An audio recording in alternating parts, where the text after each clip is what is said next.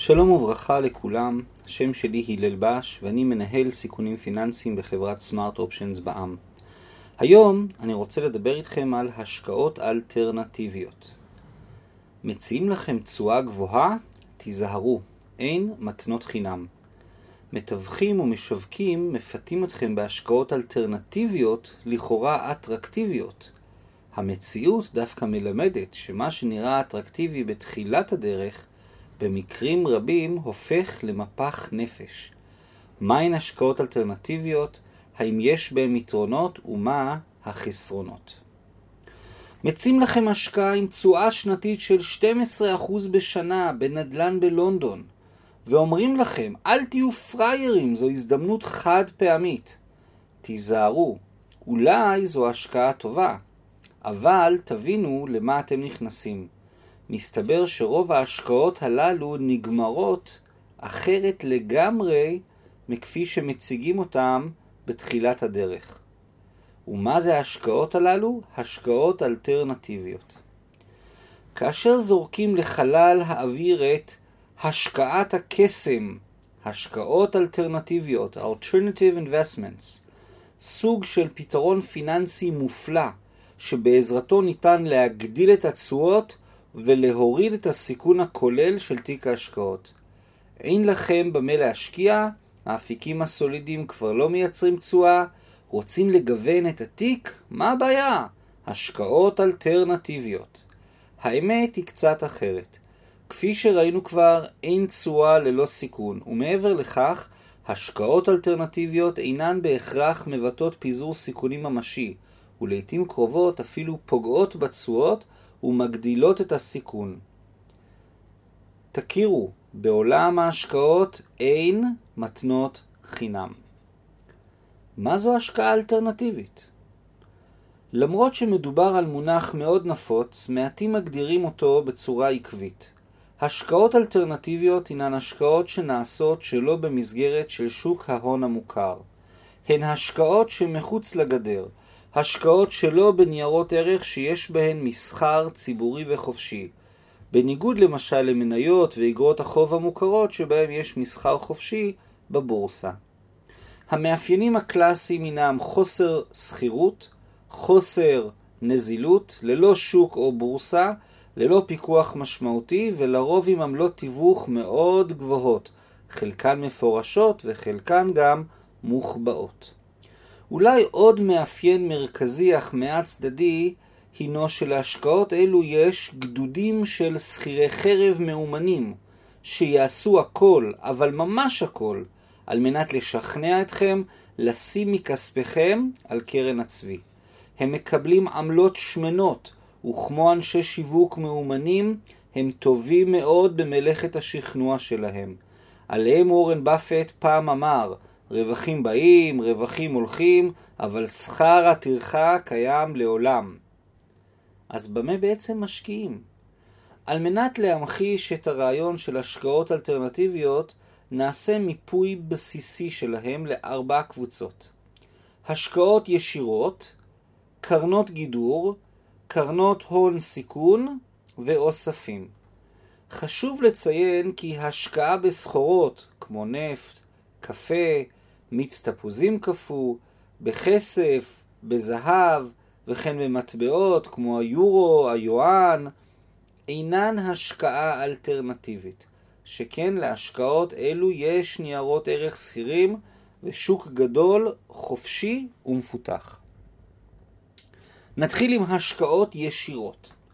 השקעות ישירות הן כל השקעה הונית במניות שנעשית ללא התיווך הקלאסי של שוק ההון ושל מסחר ציבורי חופשי ושקוף. מדובר על השקעת הכספים בחברות פרטיות או דרך שותפויות בתחומים עסקיים כמו נדל"ן מניב, מסחרי או למגורים, שלא דרך קרן ריט שכירה או, או למשל השקעה בנדל"ן יזמי וכן השקעות בתחומים כמו תשתיות אנרגיה, חשמל, מים, תחבורה, בתי חולים ועוד. בנוסף ניתן להשקיע ישירות גם, בעז, גם בעסקי זכיינות. המשקיעים דרך שותפות מזרימים את ההון לרכישת הזיכיון ומישהו אחר עוסק בניהול היומיומי. כמו כן בעולם יש תת-תחום מאוד מפותח להשקעות הישירות בתחום חכירת ציוד ומכונות, קנייה והשכרה, לבנייה, למטוסים, לשדות תעופה, שזה תחום שתמיד צפוי רק לעלות ולעלות ללא תלות בכלכלה הריאלית, כמובן עד משבר הקורונה. חלק מההשקעות אלו נעשות בשיטת המימון שנקראת LBO או Leveraged Buyout או רכישה ממונפת. בשיטה זו נוטלים הלוואות גדולות לביצוע רכישה תוך שעבוד נכסי החברה הנרכשת לטובת החזר ההלוואה. שיטה זו כוללת סיכון מובנה גבוה מהרגיל ויוצרת לחץ תזרימי ממשי להצלחת העסקה. אין הרבה מקום לטעויות. נעבור לקבוצה השנייה, קרנות הון סיכון. קרנות הון סיכון הינן מרכזי השקעות שמחפשות חברות בתחילת דרכם, בעיקר בתחומים החדשניים של טכנולוגיה ורפואה, ביוטק. הן סוקרות ומשקיעות במאות חברות הזנק ומבטיחות במטרה לזהות את הגוגל, האפל או האמזון הבאים. מובן מאליו שחלק גדול מהכספים המושקעים יורדים לטמיון, ורק אחוז מזערי מהחברות מצליחות, וגם אז, לעיתים קרובות, רק במידה בינונית. הלוואות חברתיות, peer-to-peer lending, או בקיצור P2P, הינו תחום אמנם מרתק, שבו משקיעים בפלטפורמת אשראי מתוחכמת, שמאפשרת הלוואות ישירות, אשראי צרכני או עסקי, ללא בנקים וללא חברות כרטיסי אשראי. בישראל יש כמה חברות שכאלה והן מגייסות בשם השקעות אלטרנטיביות הרבה מאוד כסף. המודל הטכנולוגי שלהם מעניין כשלעצמו, וראוי ליישום בקנה מידה גדול. אולם נראה כי אין בישראל את העומק והמרחב בשלב זה של ציבור מספיק גדול ומגוון, על מנת שמערכות שכאלה יבצעו פיזור סיכוני אשראי מספיק נרחב ויעיל מבחינה סטטיסטית. התוצאה היא שהם נותנים הלוואות לאותם סוגי אנשים, וכשיבוא המשבר, או יעמיק, חלק גדול מהלווים יתקשו לעמוד בתשלומים. היינו ההבטחה לפיזור סיכוני אשראי הינה נכונה בתיאוריה, אך ביישום בישראל היא לוקה בחסר. הקבוצה השלישית שדיברנו עליה, קרנות גידור.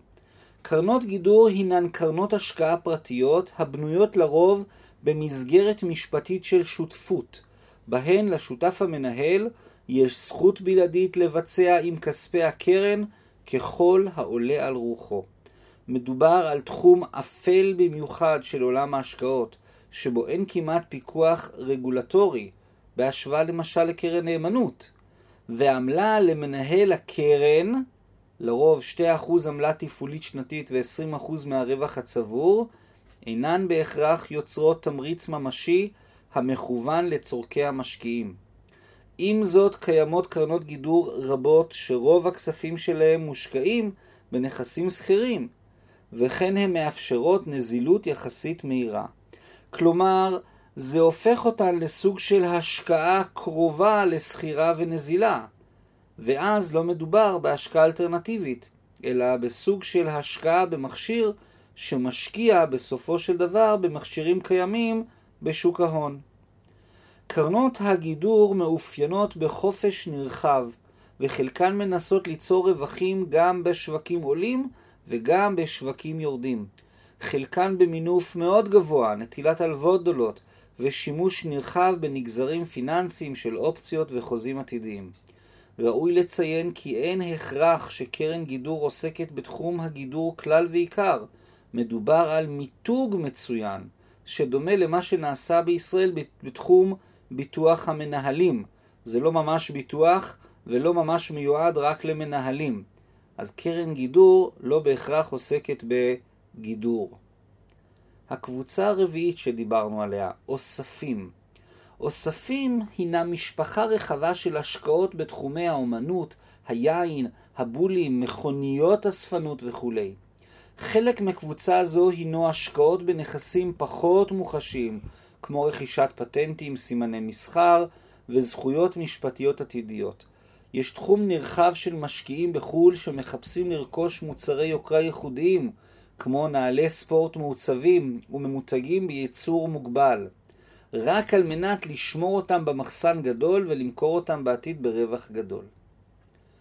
היעדר נזילות וחוסר שקיפות. הצד השווה של רוב הקבוצות שראינו הוא שהם השקעות עם חוסר בנזילות. לא ניתן להוציא את הכסף במהירות ורמת שקיפות נמוכה.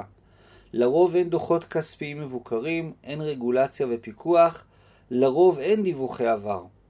אין שוק מפותח וברור שיכול להגדיר מחיר הוגן להשקעה. המשקיע נכנס לתחומים אלו, אינו נהנה מהגנות הבסיס שיש לו בכל שוק הון מפותח. הוא אינו יודע מה המחיר המוסכם של הנכס. לא יודע היכן בדיוק מחביאים לו עמלות תיווך מוסוות, ולא מבין מספיק בתחום על מנת לדעת מה הסיכוי האמיתי להצלחה ולכישלון. אז למה אנשים מתפתים להשקיע בהשקעות אלטרנטיביות? רמת התחכום והיצירתיות של המתווכים הפיננסיים המנסים לשכנע משקיעים תמימים להיכנס לתחום אינה יודעת גבולות. הטענה הבסיסית הינה שמדובר על תחום שיש לו קורלציה נמוכה עד שלילית לשוק המניות הכללי.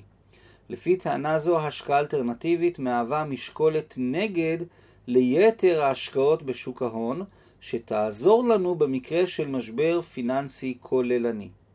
כפי שראינו בפרק הקודם, המתאם הנמוך או השלילי לעתים נעלם בעיתות משבר.